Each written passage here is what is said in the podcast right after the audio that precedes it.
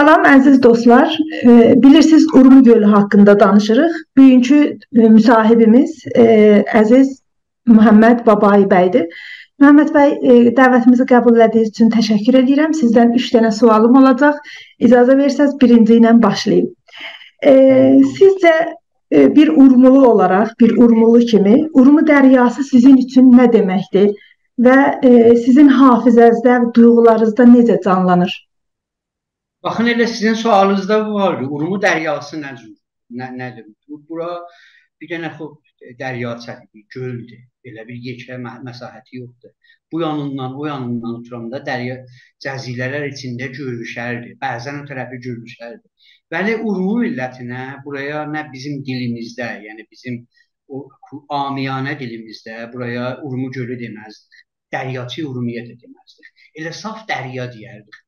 در حقیقت برای بزرگ که نه دریایی ده او جلمانخانه اردان و کشتی چی جسیده بین و در واقع دیگه بلن فرهنجمزده حضورو بارده بی دریا کمی نقش بارده ایلا بیر بیر اوگیانو سوده و طبعا بونون باتماسه بونون گروماسه حتی زیست محیطه تأثیر در چه بلمرخ نگدرده بی نهایت غمنجیزده و جرمسه اصلا آدمه Yəni kamilən e, qəməngizdir. Çox çox qəmli bir məsələdir. Bəli, bir uğurluya ki, ömrü bunu görüb. Bəs e, sizcə Urmu gölünün qurulması ilə bərabər biz bir millət olaraq e, nələri əldən veririk, nələri itiririk və o nə əbadda bir faciədir? Valla bunun konusunda çox sözlər deyilir. Baxın, e, bunu deyə bilirik ki, çox şeyləri hələ bilmirik vaqəən. Beləncə e, həqiqəti budur ki, mən hələ Urmiyədəyəm. E, gələndə də gölü gördüm yoxundan. Bəd ərz edeyim xidmətinizə. Təqribən bir şey qalmayıb. Yəni əgər qısa müddətdə bir əsəri olmuş olsaydı, gələ əsərin qoyaydı. Məsələn, fərzlən təbiət aradan aparıb, Hətmən bir uzaq əsərləri var. Onların da konusunda çox şeylər deyirlər. Təbən əsəri var. Təbən muhit aradan aparır. Təbən e, çox ittifaqlar düşə bilər gələcəkdə. Bu e, bu təbiətlə şuxluq eləmək olmaz ki. Təbiətdə bir dənə bir bir dənə məmuli canlar aradan gedir. Görürsüz ki, nə qədər bu öz öz tə təsirini qoyur. İndi bu yekəlik təbii göl ki, ömrü boyu minlər il bu bölgədə olubdur, getməyi təbiətən çox təsir qoyacaq. Bəli, vaqiət budur ki, e, çoxunu da bilmirik. Yəni e, bəlli deyil. Mən buna təkidim var ki, e, bir miqdar bunun mövridində bilməyə-bilməyə də çox izhar izhar nəzərlər qoyulur. Baxın, yəni bunun suyundan nə cür istifadə olur? Yəni e, bir ayrı bir ittifaqlar da düşübdür. Məsələn, Urumiyyənin e, ətrafında əkin yerləri neçə bərabər olubdur. Bu dəryanın suyudur. Xoş, e, bir təsir bu mümkündür qoya. Bir təsir də o mümkündür qoya. Mən elə dəqiq mütməyin deyiləm ki, bizi aya bərbad eləyəcək. E, bizi məntəqəni viran eləyəcək. Duzla dolduracaq Bunların konusunda çox sözlər deyirlər, qarşınaslar deyir, nəzərlər verilir. E, mənim nəzərimə bilirik ki, deyə bilmərik. Vaqəən bunu ki, zaman müşəxəs edir. Təbən çox ittifaqa düşəcək. Çünki bu yekəlikdə bir şey təbiətdən həzf olmağı təbiətən e, böyük bir ittifaqlar düşəcək. Düzdür. Bəs e, Ay babay, sizcə bu gölün qurumasında kim müqəssirdir və kim hansı cərəyanlar bunu gündəmə gətirir və gələcəkdə göllə bağlı nə işlər görmək olar, nə etmək olar? Baxın, təbən bu bu gölü qurumasında müttəhəm əvvəl sistemdir, dövlət. Çünki onlar əllərində qüdrəti qarşınası var. Onların imkanı mütaliələri var. Yəni belə bir imkanı yoxdur. Təbiət, təbiətin hər qonusunda dəxalət eləməyə, quyu vurmağa, əkin əkməyə, növ kişavərzini əvəz eləməyə. Məsələn baxın, Urmiyədə üzüm idi bir zaman. İndi alma çox əkiblər. Bu elə mənim yaşımda bu ittifaq düşdü. Mən nocavan idim, birdən üzüm bağları getdi, alma bağı gəldi. Bu da elə bir yekə məsələdir. Bunun nə bunu bizim mərdumdan intizarımız yoxdur. Bunu dərk eləyələr ki, bu nə ittifaq düşəcəkdir ki, illər boyu, yüzlər minlər il bu arada bu bu bu Urumiyənin yerlərində üzüm əkilibdir. Birdən alma gəlir, nə olur? Almanın sudu yaxçıdır, alma yaxçı satılır, yaxçı pula gedir. Mərdum təbiətən bunu görür.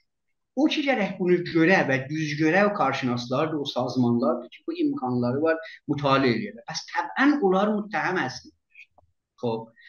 Amma bir məsələ də var.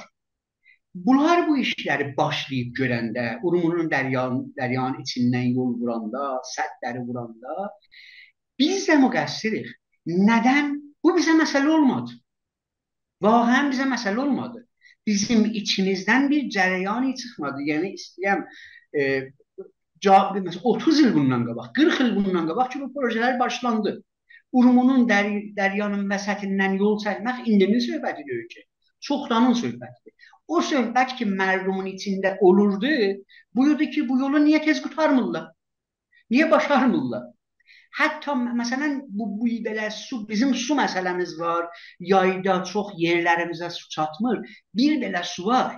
Niyə səd vurmurlar? Baxın bu məsələ idi bizim aramızda.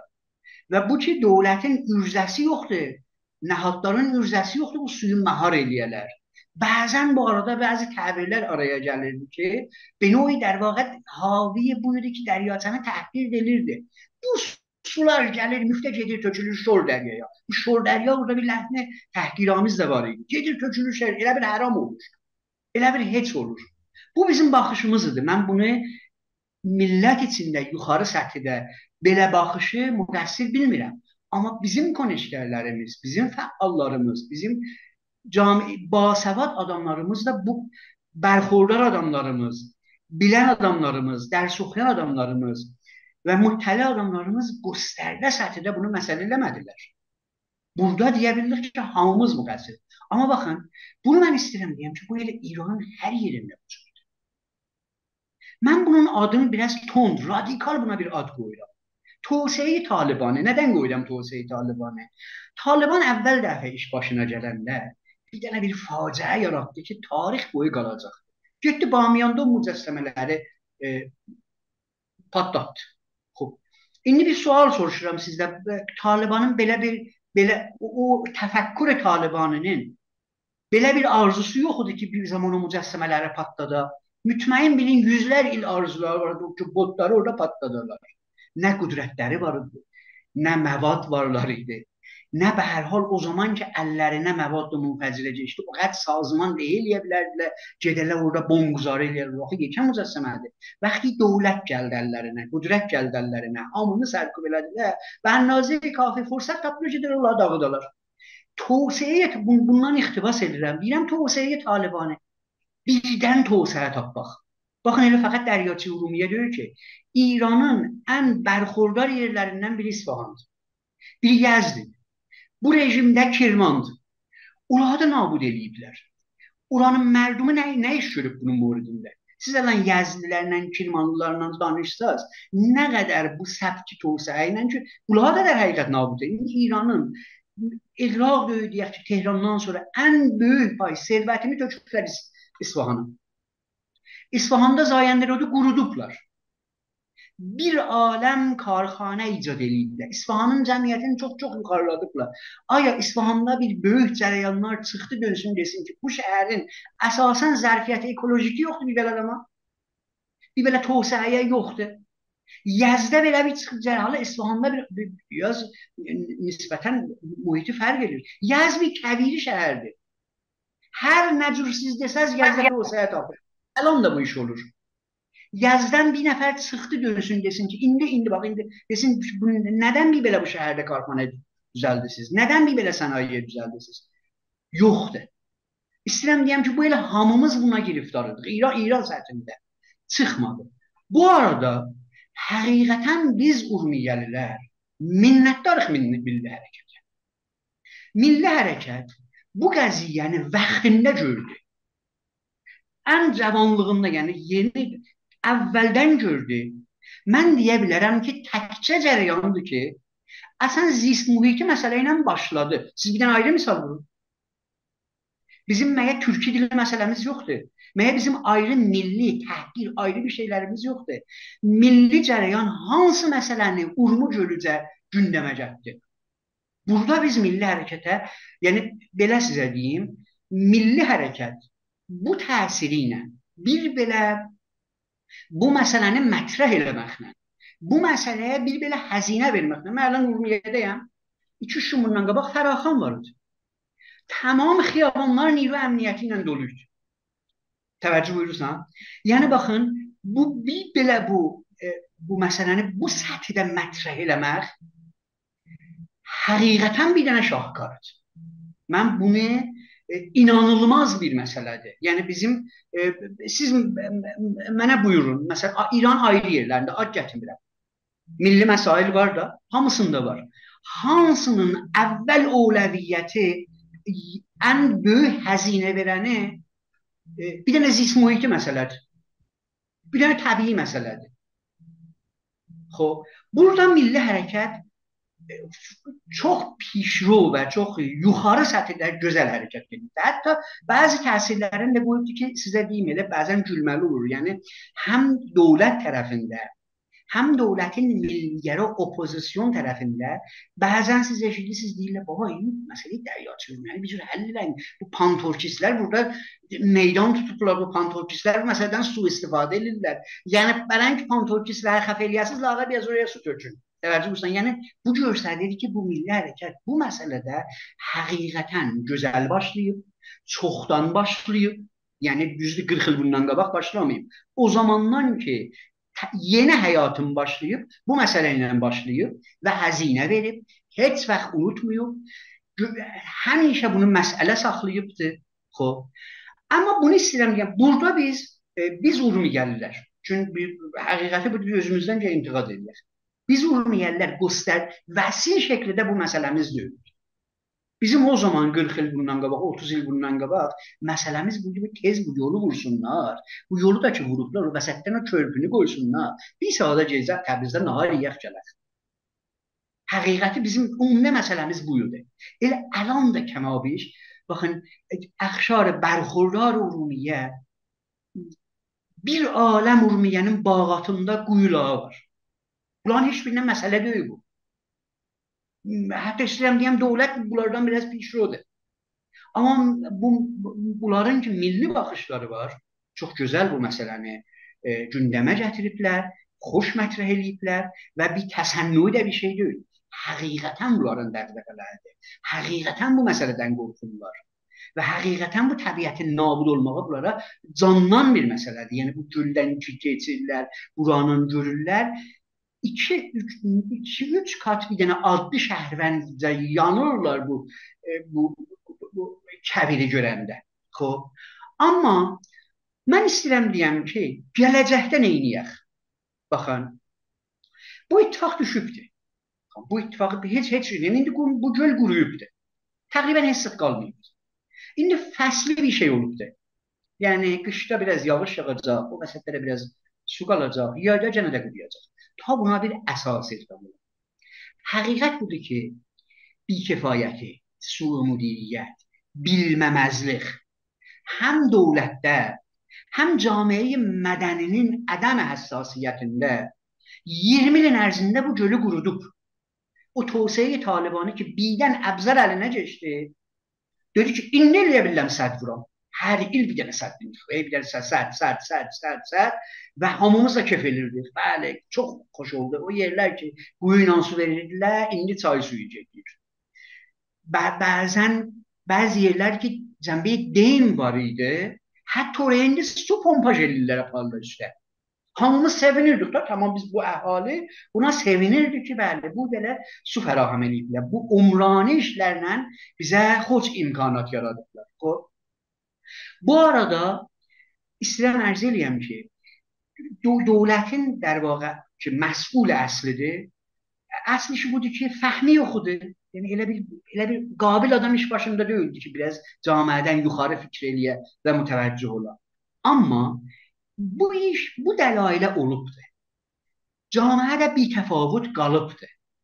Milli hərəkat gərək bunu dərk eləyər ki, indən belə bu məsələni sui müdiriyyətlə, fesadla, anlamamazlıqla, e, bilməməzliklə همون که رادیکال ad qoyuram توسعه طالبانی ilə ki imkana keçməlimizə tez olun sədd düzəldək بدون ki onun əvaqibinə baxaq bu, bu vəziyyət yaranıbdır indən belə istəsək dəryaçəni ehya eləyək ki mən fikir edirəm ehya olan işdir daha müdiriyyətlə olan iş deyil husn müdiriyyətlə olmaz baxın yəni sabahlarım gedib siz məsələn belə bir möcüzə kimi gedib Willy Brandt sədrəzəm əfsanəyi Almanı qəbirdən diridib, gətirib ustandar Azərbaycanı qərbi eləyəsiniz.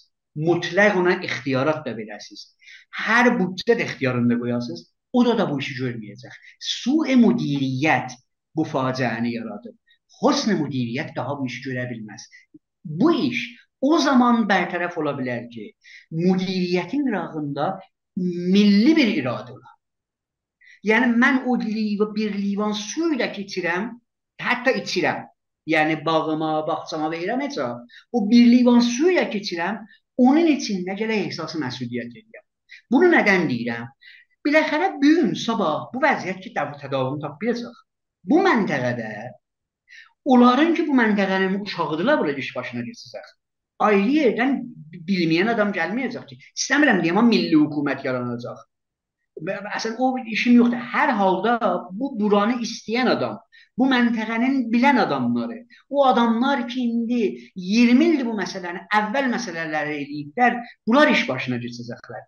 Bunlar gərək bunu bilərlər ki, ki mümkündür populizmə düçar olalar. Mümkün bunu gərək bilərlər ki, bu millət gərək bunlarla bu işdə həmkarlıq eləyə və hə, o, o şey ki, mütəəssifانه İran səthində biz bu rantı iqtisadda ona aludə olmuşuq. Hər nə varımızda onu haqqımız bilirik. Onu bu haqqımızdan gərək keçək. Ay, aya bu məsələyə qatışa biləcəyik? Bu məsələni öz millətimizlə həll eləyə biləcəyik? Məsələn bir nümunə sizə deyirəm, o sözü çox qısaldıram. Məsələn fərz edək, burada bizim bir e, İmamzadə yolumuz var. Məhəllə əyan nişindir. Urmiyyənin behtarin üzümü bu məntəqədə əmələ gələrdi. Əyan Urumiyyə bu məntəqəni nabud ediblər. Tamam eliblər viran. Eyni Tehranın ləvasanı kimi. Olub tamam vila. Heç fayda iqtisadisi də yoxdur. 10 şada fayda iqtisadisi yoxdur. Tamam da su məsrəf edirlər. Tolidatı da yoxdur. Əslən ehtiyacları yoxdur. Yeri metro orada Əslən kamilən cəmlə, yəni indi hər kəs oraya girib yoxlanlaşa bilməz. Bunlar ayəndədə bu həmkarlığı eləyəcəklər bizlə. Bu əxşar bərxordardan misal vuram. Bu həmkarlığı eləyəcəklər ki, müsaidət eləyələr. Bu yerlərin, bu, bu yerlərə ki, bir belə bunun üstündə bərha sərmayə quzarı eləyiblər. Biz əvvəl gedib bir dənə əkinçidən ki, 4 nəfər, 5 nəfər bir dənə bir iki dənə yerdən oradan bəhrə var. Əvvəl gedib ona deyənmənik ki, sən bir cür kontrol eləcinən, bir belə həzinə eləcinən, biz əvvəl başlayaq, əvvəl bərxurdar əxşardan ta eləyə bilək bəqiyyəyə də bu məsələni deyək. Bunlar eləyə biləcəklər. Sözümün xülasəsi, milli hərəkət bu qəziyyədə vaxtında çox gözəl başlayıbdı. Gələcəyi də gəyə asib şinas eləyər və bunu bilə ki, bu bu indi olubdu milli məsələ. Gələk tək-tək şəhərvəndan ki bu dəryaçənin, bu gölün holoğuşunda yaşlılar hamısı ehsası məsuliyyət eləyər, dərkənar husn müdiriyyət, bəlkə bunu həll edə bilər. Çox sağ olun Əziz Ağay Babayı bizim suallarımızı cavabladığınız üçün təşəkkür edirəm. Mənəm sizə, sağ olasınız. Mən də çox sevindim. Sağ olun.